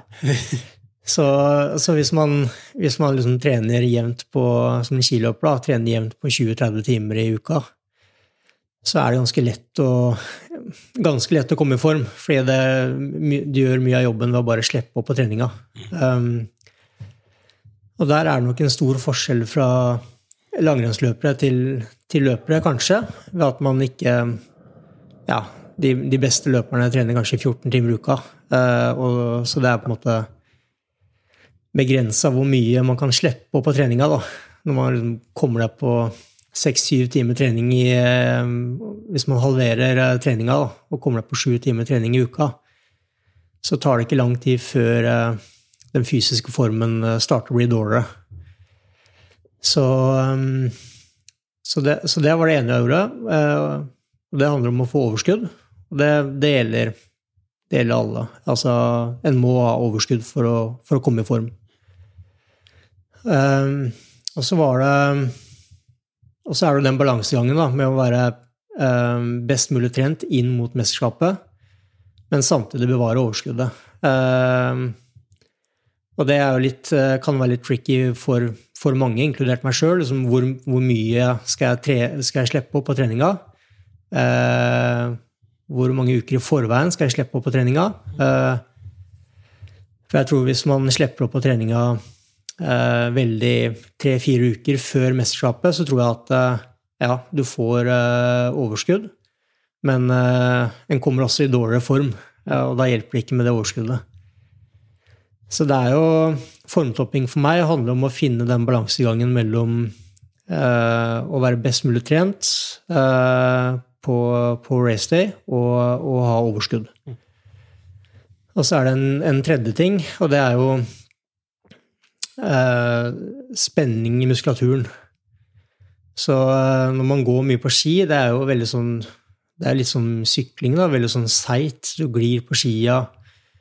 Og man kan bli, kan bli sånn dau i muskulaturen av det.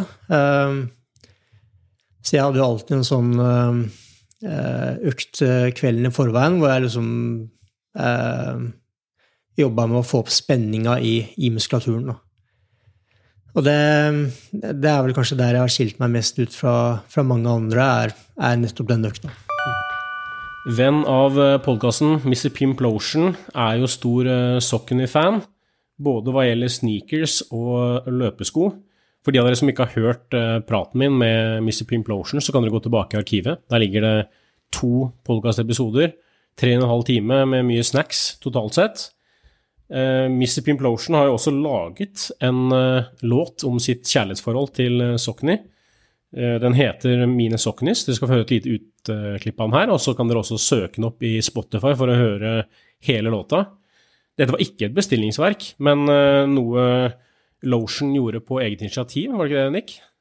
Stemmer. Han Eh, jeg kom over låten på uh, via en uh, agent som solgte sneakers i Norge for fem-seks år siden. Uh, og hadde aldri hørt tale om hvem Mr. Pimplotion var.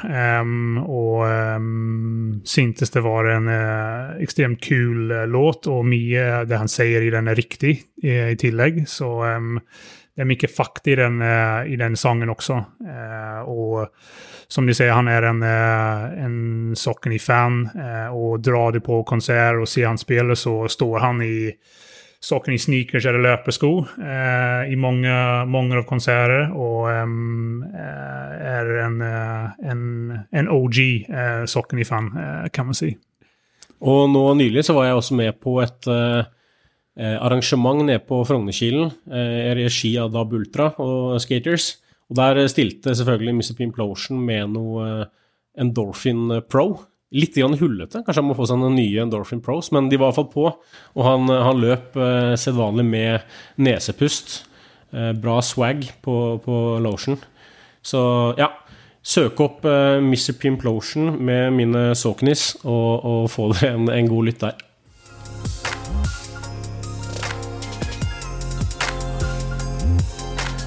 Ja, fordi eh, det er jo veldig mange eliteutøvere har jeg merket, som snakker om spenning i muskulaturen. Og jeg får jo ganske mange henvendelser fra mosjonister som liksom lurer på dette. Hva er liksom spenning i muskulaturen? Og det er ikke alle som kjenner kroppen sin så godt som f.eks. du, da, som har vært vant til å trene typ 30 timer i uka. Hva legger du i spenning i muskulaturen, og hvordan fremmer man det? Det er flere navn på det. Da. Marius Bakken kaller, kaller, det vel for muskeltonus, hvis jeg ikke husker helt feil.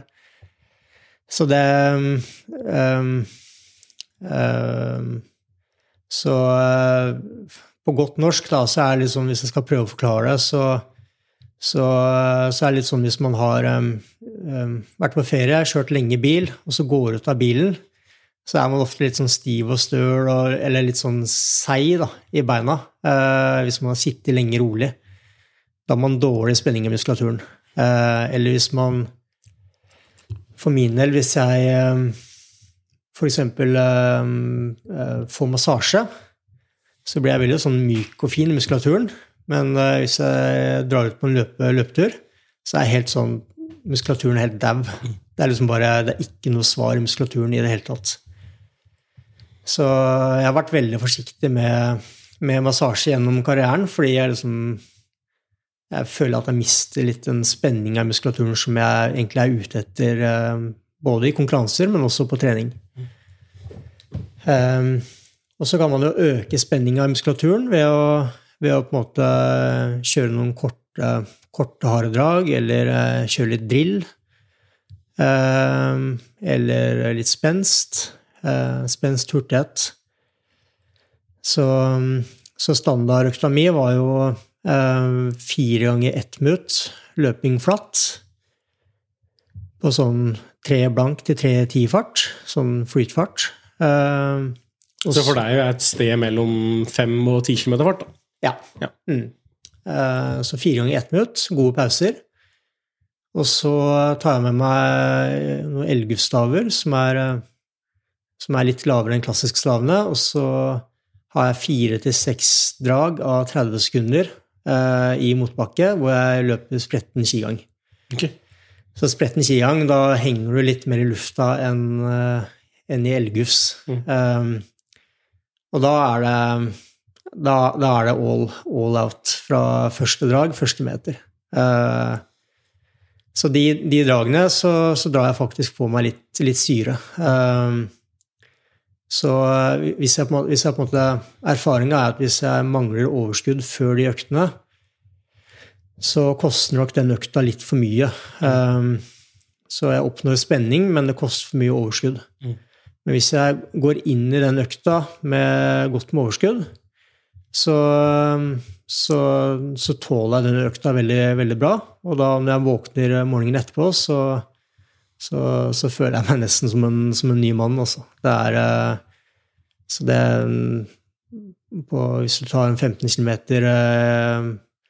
15 km i langrenn, så, så føler jeg i så fall at jeg hever meg med, med 10-20 sekunder bare på den økta. Mm. Så, Så kommer er du da til å pakke med deg staver til Valencia og så Ja. kjøre den økta på, på lørdagskvelden? Ja, nei eh, Det Nei, jeg tror jeg bare skal spare beina mest mulig før, eh, før maraton. Men eh, det er, det er jo ikke kun jeg Altså, det er mange varianter av den, den, den eh, Det er mange måter å få opp den spenninga på. Det mest vanlige i langrenn er jo å ha en sånn race prep-økt på morgenen dagen før. Og så ha en rolig kveldsjogg, og så en rolig morgenjogg på, på renndagen. Men jeg føler nesten at hvis jeg har, eh, har en eh, lett intervall morgenen eh, i forveien, så får jeg opp spenninga, men så så blir det litt lenge å ligge på senga liksom fra, fra den økta til, til rennet, så så hvis jeg da løper meg en tur på, morgenen, på, på kvelden samme dag, og på morgenen på raceday, så føler jeg nesten at de to siste øktene på de to siste 20-minuttersjoggene gjør at jeg mister litt av den spenninga som jeg jobba opp Mm. på, den, på den intervallen. Mm. Uh, så jeg liker å ha den økta så, egentlig så tett opp til konkurransen som mulig. Okay. Så det er liksom overskudd, være godt nok trent, uh, og spenning. Det er liksom det som har funka for meg. Da. Og her skiller kanskje langrenn seg litt fra, fra løping. da. Og Jeg har hørt tidligere at du har hatt en spesiell rutine med en lang langtur før frokost, f.eks. fire timer. da, og, og denne ti ganger ett minutt veldig hardt, som også Alsgaard var kjent for å kjøre. Mm. Eh, vil du jobbe ut fra de samme prinsippene da, som du skal forme opp inn mot Valencia? Um, uh, det veit jeg ikke ennå. Eh, du kan si fram til 2019 så hadde jeg alltid en, en fire timers langtur før frokost. Uh, um, og det, var litt, litt tilbake til det med å sjokke kroppen. Ehm, det, det, det er en økt som kan funke veldig bra eh, enkelte ganger, og så er det andre ganger det ikke funker. Eh, så det er litt sånn Hvis jeg allerede har god kontroll på, på formen, så liker jeg å liksom gjøre minst mulig. Uh, fordi det er jo litt risiko om å kjøre en fire timers økt før frokost uh, fire dager før du skal gå et skirenn. Uh, men men det er en sånn måte å sjokke kroppen på hvis man er litt misfornøyd med formen. Man skjønner at formen er egentlig ikke god nok til å, eller så god som man håper på, så kan man på en måte gjøre sånne krumspring for å liksom Ja, man har ikke så mye å tape, da. Man kan gamble litt og så se om det gir en, en god effekt. Eh, Ti ganger ett minutt uh, funker, uh, funker veldig bra for å få opp spenninga, eh, men det koster for mye overskudd. Så det jeg gjorde jeg i mange år. Hadde ti ganger ett minutt dagen i forveien. Men det, den økta blir for tøff. Så til, fram til Valencia så tror jeg at jeg kommer til å gjøre det veldig safe. Altså bare ha en lett hardøkt tre-fire dager i forveien, og så eh, satse på å gå inn med mye muskulært overskudd inn, eh, inn på eh, race day. Mm. Og med all respekt, da. Du vinner ikke Valencia Marathon. Eh, du er vant til å kjempe i, i toppen. Eh, noe jeg antar da, er ekstremt inspirerende, motiverende. Hva er det som inspirerer og motiverer deg nå? Um, nei, det, det, er jo litt uh, Altså, prøve å bruke de neste åra på å se hvor fort jeg kan løpe, da. Uh, det er klart, hvis jeg uh, hvis jeg liksom hadde flytta for meg sjøl til Kenya og kun, uh, kun, trent, så kunne jeg jo løpt sikkert veldig mye fortere. Men, uh, men uh, det, er, det, er, liksom de, de tidene, da. Syns jo det er gøy. så ja. så er jeg glad i å løpe på, da. Så jeg hadde sikkert løpt i hverdagen uansett. Uh, så blir det ekstra gøy hvis man uh, løper litt konkurranser og har, mål, har, har, et mål i tillegg. Jeg pleier alltid å si det er sabla bra utgangspunkt, og syns det er gøy i hvert fall, mm, å, mm. å, drive med det. Og som nevnt innledningsvis her, da, så Du la jo opp etter forrige sesong.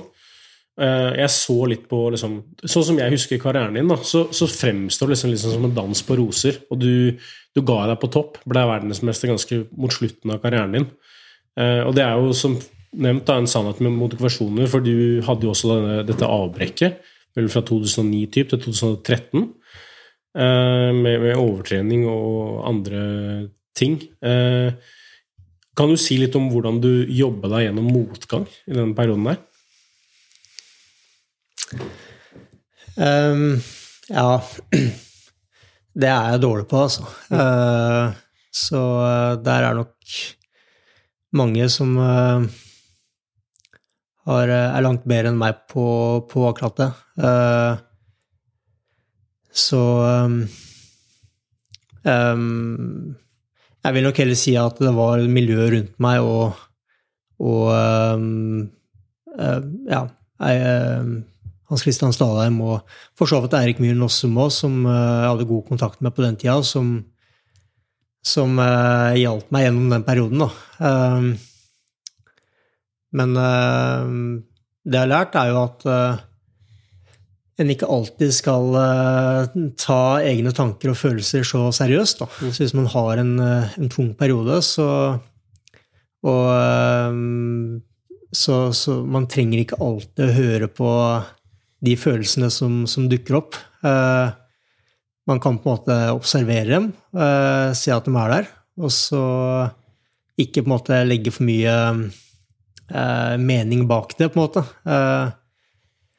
Eh, fordi det er, liksom, det er jo i perioder eh, gjennom karrieren min òg hvor jeg har vært uh, umotivert. Selv om jeg er glad i å trene, så er man ikke like motivert uh, hver dag. Uh, så Men Så jeg har egentlig prøvd å gjøre meg litt uavhengig av, av motivasjonen, da. og liksom ikke, ikke, gjort meg avhengig av at jeg skal være motivert hver dag for å, for å på en måte legge ned treningsjobben, men uh, egentlig bare akseptert at uh, vi mennesker vi har uh, gode perioder, vi har dårlige perioder. og, og Men det trenger ikke å liksom bestemme Det trenger ikke å bestemme det du gjør, på en måte. vi har evnen til å gjennomføre treninga selv om vi ikke er motiverte òg. Eh, så um, det er jo én ting. Og så, og så, er det ofte det at eh, jeg kan være umotivert før en økt. Men så har jeg bare bestemt meg for at jeg skal gjøre den økta uansett. Så det er på en måte ikke noe å diskutere i mitt eget hode om jeg skal ut og trene eller ikke. Og når jeg kommer ut på økta, så, så kommer også motivasjonen. på en måte. At du snur om på det. At istedenfor å jobbe for å være motivert for å trene, så bare drar du til og trener, og så vil motivasjonen komme som følge av at du liksom har kommet deg ut. da. Det var mye bedre svar enn jeg forventa på det spørsmålet. Veldig reflektert og godt. Jeg tror det er veldig mange som har, har veldig mye å, å, å lære av. Så for de som ikke fikk med seg alt der i detalj, så er det bare å spole tilbake og, og plukke opp det der. Det var, var veldig godt. Jeg, pluk, jeg var innom Instagram-profilen din da, eh, før dette intervjuet, bare for å kikke litt i, i det som har vært. og eh, Du snakka litt om det her å, å senke skuldrene eh, periode. Og et innlegg fra april 2012, så har du tatt bilde av bagasjerommet på bilen din. Eh, på det som virker som en bagasjen for en hyttetur. Da. Det er noe klær og utstyr der, men det er altså tre kasser. Altså 72 Ringnes Pils, den gamle brune sorten. Er det slik man gjerne feirer en sesong i langrenn? Ja, det er, eh, det er eh, Skiløpere er jo så å si avholds eller fra, gjennom sommeren og høsten og vinteren. Og så, og så tar man på en måte igjen eh, det tapte på våren, kan du si. Så det er som en lang eh, Det er nesten i så fall på den tida så var det som en lang russefeiring fra, fra liksom uh, uh, ja, midten av Eller slutten av mars til uh, starten av mai. Så um, ja, det var, det var vel 2012. Da var jeg jo på mitt mest useriøse, kan du si. Um, så, men ja, jeg, har, jeg har egentlig litt trua på nullstille kroppen litt, da. Uh, uh, Offseason. At man har en måned hvor man liksom Ja, det er i så fall uh, man, man trener litt, men at man kobler helt av og liksom ikke tenker så mye trening og, og, og idrett. Uh, så det er um, Ideelt sett så tror jeg kanskje at det aller beste er å liksom ikke slippe seg for mye ned uh, på, på våren for en skiløper eller på høsten for en løper, men for hodet sin del så tror jeg at det kan være sunt å liksom ha en uh, måned eller to hvor man liksom ja, tenker litt i andre baner. Jeg skal ikke jeg kaste noen eh, folk under bussen her, nevne noen, noen navn, men jeg har jo jeg har vært eh, til stede på fester der jeg har vært med langrennsløpere som kommer fra en fantastisk sesong og kanskje ambisjoner om å ta verdenscup-pallplasseringer eh, kommende sesong. Men eh, på denne festen i april og mai så, så er det gjerne det å dunke tre eh, pils før man i det hele tatt begynner å prate. Eventuelt en variant der du klink edru er oppe på bordet av med alle klærne, kjører helikopter Ja, ja. før du setter deg og tar første pilsen. Ja, det, klærne forsvinner utover kvelden på mange. Så, men det har jo, altså langrenn har jo eh, Den kulturen har jo eh, Det var nok eh, enda verre før, kan du si. Så det er jo litt sånn eh, fun facts jeg kan si når jeg har lagt opp, men det var jo, jeg husker de første årene når jeg kom inn på landslag, så fikk jeg jo helt eh, sjokk når vi dro på, på høydesamling og, eh, og på enkelte worldcuprenn, fordi det var jo Ja, når vi var i Livigno i tre uker, da, så var det jo minimum én fest, gjerne to, hvor det var liksom Det var eh, å drikke til du, til du måtte krype hjem, på en måte. Og så var det, hadde vi kanskje en, eh, en fridag dagen etterpå, og så var det på'n igjen, da. Og det samme var jo i, eh, i World Cup. Altså, vi kunne gå åpningsrennet på Beitstølen, og så var det Ruka, og så var det Lillehammer og Davos. Eh, og så var det ofte en pause fra Davos til, til Tour de Ski, da. Og da var det gjerne en ganske solid fest i, i Davos etter, eh, etter eh, det skirennet der. Og så var det som å starte med på nytt igjen mandagen etterpå. Så ja. Det, Det var deres julebordsesong. det var eh, vårt julebord. Så de siste årene så har disse World Cup-kvotene blitt så, så små, så vi har blitt, blitt litt mer seriøse. Men eh, World Cup-kvota i 2015, 16, 17, det var, eh, det var mange nordmenn som fikk lov til å gå World Cup, så det var liksom ikke så, eh, så farlig om man tok seg en fest. Notert. Jeg tenkte vi måtte gå litt mer til verks her. De de som er med så langt i podkasten, de, de vil også høre noe tall og noe nøling her. Tenkte vi skulle snakke litt til trening da, i teori og praksis. Eh, Litt intensitetsstyring og treningsplanlegging og sånne ting. Jeg kan først, jeg kan først eh, spørre deg, Har du noen sånn konkret treningsfilosofi som du alltid har jobba ut fra? Den, den har jo utvikla seg litt nå, da, opp gjennom åra. Så de åra hvor jeg drev med sånn båtlegging, så, så trodde jeg jo at det var, det som var veien å gå. Uh, jeg har nok blitt litt mer konservativ eh, med åra.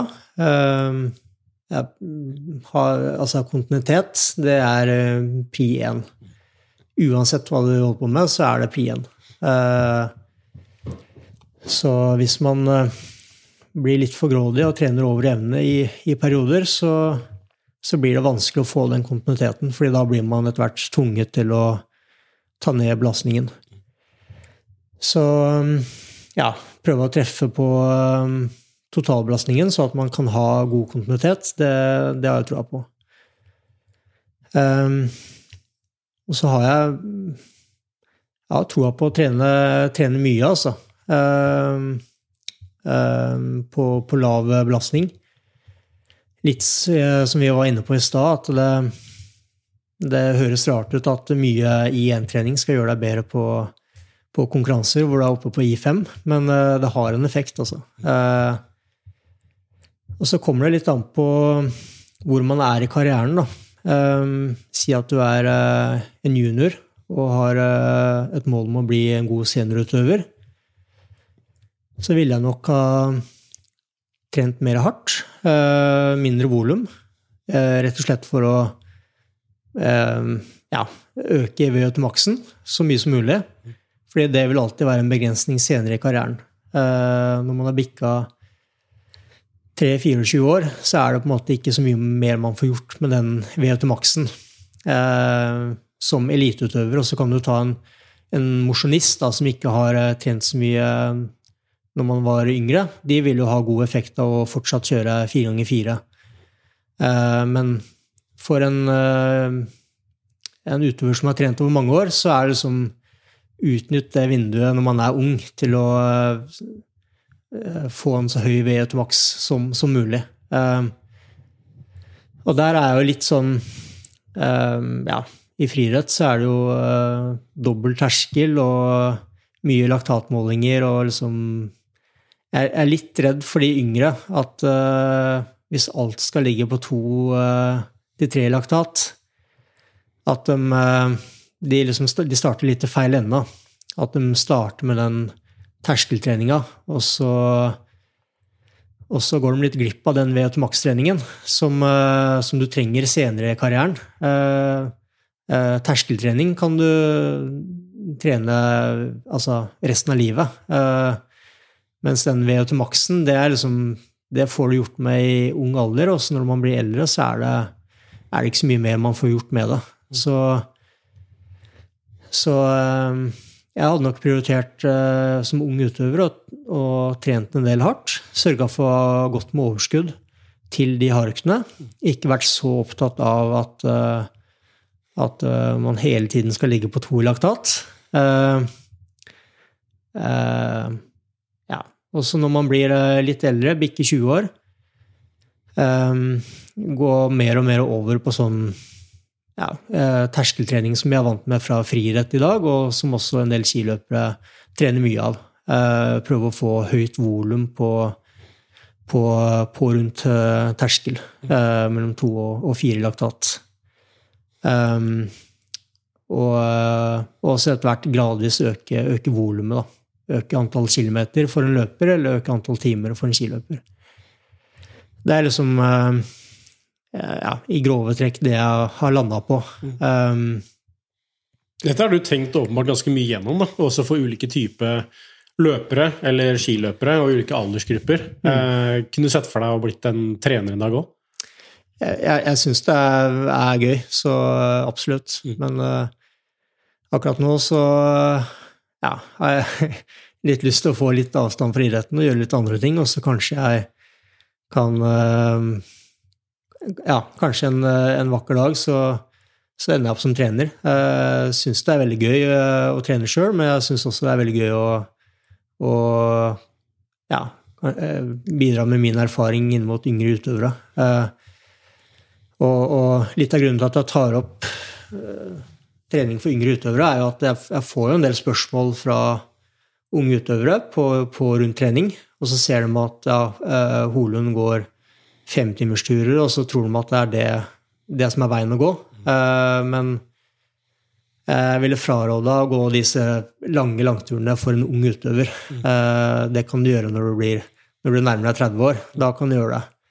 Men eh, ikke start med den type trening. Eh, Så, eh, og så er det litt eh, En ung utøver tåler nok mer hardtrening enn en eldre utøver. Eh, Jeg merka det sjøl, at når jeg var yngre, så kunne jeg trene mye hardt og tålte det ganske bra. Eh, De siste åra av karrieren min så, så ble jeg mer sliten av å gå eh, en time terskel enn å gå en, en femtimerstur. Eh, Så det er akkurat som at med alderen så, så tåler man mer og mer volum og mindre og mindre intensitet. Mens når man er yngre, så er det, er det motsatt. Så Ja. Så um, Jeg tenkte, Det var en ting jeg synes er interessant nå som du skal inn i denne ekspertrollen. Jeg hadde jo Therese Johaug her uh, for et års tid siden. Når hun også da nylig hadde lagt opp og, og skulle inn i tilsvarende situasjon som du er nå, da, som ekspert, eh, og, og se liksom idretten med sånn fugleperspektiv. Eh, og, og kanskje også måtte uh, påta seg den rollen å være kritisk til, til det utøverne gjør. Eh, veldig mange vil jo lykkes, og veldig mange har lagt ned et ærlig stykke arbeid gjennom en lang periode, og så mislykkes de. Hvordan ser du på den rollen du skal inn i der, og hvordan vil du angripe det? Eh, En skal jo gå inn i rollen med, med, med respekt for utøverne. Eh, Du kan si de som Ja, jeg skal kommentere World Cup, alle de som går World Cup, har jo lagt ned et, et godt stykke ærlig arbeid. Så Så eh, eh, Ja. Eh, All respekt til eh, absolutt alle som går World Cup, og, og eh, så liksom, jeg er ikke opptatt av å liksom Det er forskjeller på å være kritisk og liksom kritisere noen, på en måte. Så du kan være kritisk mot eh, disponering av løpet eller eh, taktikk.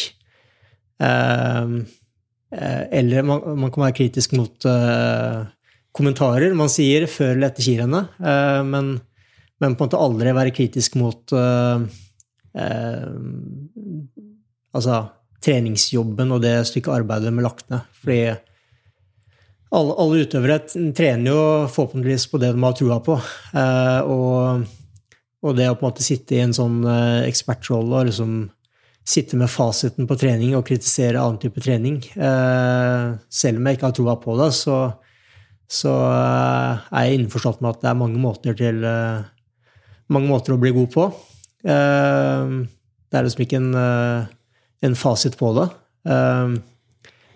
Så, så det blir jo på en måte ja, finne den balansegangen, da. Men det er klart, hvis man uh, sier det som uh, det som de hjemme i stua hele tiden tenker, så er det ikke noen vits med en, uh, en ekspert. En må på en måte tilføye noe mer. Og en må også tørre å si meningene sine, selv om det um, kanskje kan bli overskrifter i, i media, eller at andre noen ganger blir litt fornærma. Men ja, det er noe sånn sånn det er. Og til syvende og sist så er jo eh, idrett det er jo underholdning. Så, så eh, man må jo tørre å, tørre å mene litt. Mm. Ja. Jeg tenkte vi, eh, vi skal snart eh, runde av her. Du skal få muligheten til å legge ned et ærlig stykke arbeid med trening mot eh, Valencia. Du skal også hente i, i barnehagen. Men jeg avslutter med noen korte, kjappe spørsmål. Jeg tenkte å høre først, Har du noen ritualer? Eh, nei. Har, jeg altså, du kan si at den økta på kvelden før eh, viktig skirenn, mm. det er jo kanskje et ritual. Ja, Eh, den, den må jeg ha for å sove godt om natta og føle at jeg er best mulig forberedt. Eh, så, men utover det, så Nei, det er ikke noen sokker eller bukser jeg må ha på meg. Eller, så nei. Uh, hva er ditt beste tips til deg sjøl for å bli en bedre løper? Eh, f-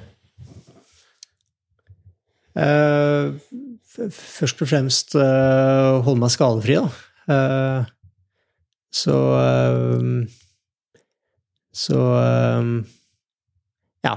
Og, det, jeg syns jo det er så gøy å løpe òg, så det er viktigere for meg å holde meg skadefri enn å løpe sub 220, på en måte. Så hvis jeg kjenner at det har vondt i en fot, så, så stopper jeg opp. Og så tar jeg et par fridager, eller gjør noe annet. Eh, så så um, Jeg tror nok for min del så handler det om å ta tida til hjelp. Uh, prøve å få kontinuitet i løpinga, sånn at jeg kan løpe litt mer framover. Uh, og holde meg skadefri. Da, da, da om, om, jeg da løper på 2,20 eller 2,25 på maraton, det har ikke så mye å si, egentlig, men da har jeg fall gjort det jeg kan.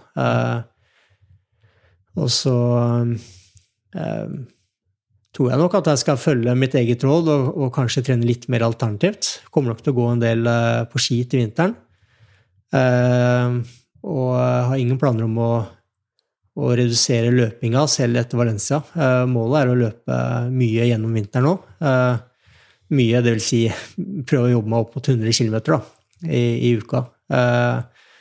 og hvis jeg da får gått litt på ski i tillegg, så håper jeg at Eh, formen kanskje er et knepp, knepp eh, bedre til, til våren. Mm. Hva med ditt beste tips til de som lytter? Er det det samme som du anbefaler deg sjøl? Eh, ja, nå veit ikke jeg hva, hva deres utfordringer er, da. Det er jo, det er jo Du har jo de som trener altfor mye.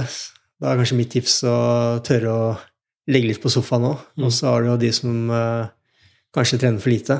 Uh, så um, ja. Du har jo uh, toppidrettsutøvere i uh, hermetegn som jeg mener er litt for late, rett og slett, og ikke, som tror de er toppidrettsutøvere, og så vet de egentlig ikke helt hva det innebærer. Mm. Så det kommer litt an på hvem lytteren er, da. Men Men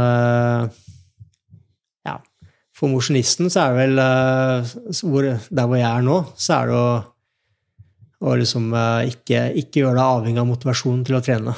Bare lukk øya, eh, snør på deg skoa og kom deg ut, liksom. Det, og så kommer motivasjonen etter hvert.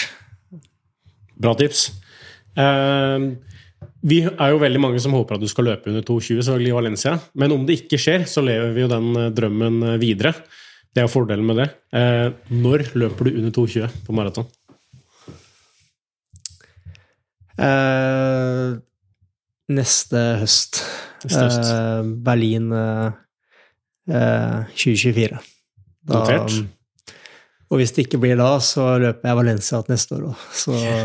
Og klarer jeg ikke neste år, så får jeg satse, satse, satse. Da prøver jeg på nytt i 2025. Bra. Så det er i ferd med å utvikle seg en ny Ulriksen her. Så hvis folk har lyst til å følge med, da, ikke ja, ja, så er det bare å komme seg inn på Strava-profilen din. Ja da, så, så uh, håper jeg å kunne logge enda mer trening framover på Strava. Men, uh, men uh, jeg, altså jeg, jo, jeg, sa jo i stad at jeg er fornøyd hvis jeg løper på 2,25 år, men jeg er egentlig ikke det. Jeg har jo lyst til å, har lyst til å komme under 2,20, så jeg, jeg, klarer nok ikke det i år, men, eh, men eh, ja, jeg har fortsatt, fortsatt eh, noen gode år foran meg. Ja, okay. Du har fortsatt unge og lovende. 89-modell. Du ja, kan holde på i mange år. Du ser det er, jo, det er, jo, folk som løper fortere enn noen gang når de er 45. Løper jo to timer blank på maraton. Ja, og det er jo Det er veldig gøy å se, da. Sånn jeg tenkte jo for eh, noen år tilbake at eh, når du var 3-34 eh, år, da, da, var du ferdig, altså. Da var du for gammel. Så ser du i løping, spesielt i maraton, at de beste er jo ja, rundt 40 år, da. Mm. Det er jo det er gøy å se, da. At, at man forfaller ikke så mye hvis man klarer å, å holde kontinuiteten oppe i treninga. Mm. Men jeg tror jo så du ser jo Simen Østensen og Anders Haukeland, på en måte. De er jo Simen er jo fortsatt ung, da, men uh, Anders er jo på vei til å bli gammel, og han jo, har jo vært uh, proff fram til i år. Så jeg tror uh, hvis man klarer å unngå disse avbrekkene, så tror jeg at forfallet er minimalt. Men det som er drepen for de som har bikka 35 i så fall, er jo å få liksom et halvår med dårlig trening. Da tror jeg det blir vanskelig å trene seg opp igjen. Så, og Derfor tror jeg at hvis jeg drar på meg en skade nå som gjør at jeg er ute, ute av eh, trening i et halvt år eller et år, så da blir det veldig tungt å trene seg opp igjen. Altså. Med tanke på da kortsiktig og langsiktig mål med løpinga, hva setter du høyest? Er det å løpe under 2,20 på maraton, eller er det å ta 3000 meter persen til faren din? Ja, det er 3000 meter persen til fattern, den det, det klarer jeg ikke. Den er, jeg tror den er på eh, 8,25, og det er Jeg har ikke steg til det, altså. Og eh, Men du har vært under 10 sekunder bak, har du ikke det? Vært på 8,33 Jo da, eller noe sånt. 33, ja. Ja. Så det var det ene året hvor det var lov å løpe med Vapefly eh, på bane. Mm. Eh, så nå må jeg jo nesten løpe i piggsko. Skal jeg Ja. Du har jo Moseby Invitations, da, hvor det, det er vel ikke et offisielt løp, men eh, da har du lov til å løpe med hva som helst. Men det, det, skal jeg løpe et løp, så må det komme på en eller annen statistikk. eh, et testløp eller sånt Ja. Hvis det liksom ikke kommer eh, på en statistikk, så gjelder det ikke. Så Ja. Og det altså jeg, løper, jeg er så treig og løper så sakte på høy fart at hvis jeg skal løpe på 8,25, så må jeg føle nesten at jeg må spurte altså, fra første meter. Så det er nok problemet mitt, at jeg er treig, har et dårlig steg, eh, og er nok mer egna for å løpe fort på, på, på 10 og, og maraton enn på 3000. Så, Hold deg til maraton. Det, det er det veldig mange som lytter til denne podkasten, som nok vil finne veldig interessant. Tror jeg veldig mange som kommer til å inn på stravaen din og, og følge med. Så jeg får snakke på vegne av de som lytter, og ønsker deg masse lykke til på vei mot Valencia, og ikke minst på vei mot eh, Berlin Marathon i 2024. For uh, krige på, uh, stramme skoene og bare stå i det, uansett om motivasjonen er der eller ikke. En, en, en, en ja. Du, uh, vi må jo ha et siste spørsmål andre veien her, da. Du, er ikke, du er jo på Strava, men du logger ikke Nei, jeg, mye- jeg, jeg har muta litt, skal jeg være ja, ærlig. ja, ja, ja. Jeg var jo i Valencia Marathon. Det er det siste jeg la ut på Strava. eh, Er vel kanskje fra Valencia Marathon for, for to år siden. ja, ja. Men eh, jeg er veldig mye inne på Strava sjøl, altså. Så jeg følger med i kulissene. Og selv om det ikke legges ut så mye, så trener jeg eh, en del. og, og målet, målet er Målet er å følge deg på, på trening på torsdager. Det, det syns jeg er veldig gøy, å være en del av miljøet. Og, og få liksom vært med på en del gode fellesøkter og sånn. Eh, Men akkurat per nå så syns jeg det er litt artigere å trene andre enn det er å, å jage disse målene sjøl. Jeg hadde en periode der jeg la ned et æresstykke arbeid for å løpe fotballmaraton. Mm. Eh, og har, har løpt 2,28. Eh, og tenkte det at eh, For det var ikke en spesiell god dag, så jeg tenkte neste gang så løper jeg i hvert fall fem minutter fortere. Men det er nå fem år siden, og jeg har ikke løpt fortere. Så eh, moralen i det er vel at du må benytte sjansen når du har den. Uh, for det er ikke sikkert du får den sjansen igjen. Så det, det, må, du, det må du tenke på når du står på startsjekken i Valencia, at uh, hvis du får da Si du har tolv uker med god trening inn mot et sånt løp. Det er ikke så lenge siden du var eliteutøver, så du har en fantastisk motor. Mm. Så ikke sløs bort sjansen. Eh, bit tenna sammen og stå i det de siste ti kilometerne. For eh, du vet aldri om du får sjansen igjen. Sånn er det faktisk. Mm. Men, eh, men enn så lenge så drives jeg av det å, å, å trene godt og syns det er gøy med treninga. Så jeg håper jeg får spare litt på trening med deg, i hvert fall. Om jeg ikke følger deg på maraton helt til mål, så, Ja, ja, ja. så jeg får være med og trene litt. Da satser jeg på å se deg i Berlin da, neste, neste høst. Kanskje det. Jeg har, jeg har ikke løpt Berlin før, så det står Nei. på bucketlist. Mm. Både det og, og New York, i hvert fall. Så kanskje jeg blir med til Berlin 2024. Skal ikke se bort fra det. Men uh, kanskje da først og fremst uh, jeg kunne vært med og gjort en jobb da, for deg eh, med 3.20-fart. Kanskje til tre mil, da. Eh, så tror jeg ikke jeg har det i meg til å legge ned innsatsen som skal til for å, å pushe disse tidene helt til mål. Altså. Men eh, det å være med som en fartsholder, det gir meg veldig mye. Så kanskje det får være min ambisjon, da, om, å, om å gjøre et ærlig stykke arbeid for f.eks. at du eller Ulriksen eller en annen skulle nådd sine mål. Da. Mm. Mm. Så det, ja, det får være det. Får være det. Men ja, tusen hjertelig takk for at du tok deg så god tid. Fantastisk fin prat. Veldig mye gode læringspunkter, både for de som satser ganske mye, og for mannen i gata. Så får ha masse lykke til, som sagt, på vei mot Valencia. Så håper jeg kanskje jeg kan invitere deg tilbake igjen, da. kanskje inn mot eh, Berlin neste år, når du er på skuddhold til virkelig å gjøre det store. Ja, Det um, Nei, det har vært, uh, vært gøy.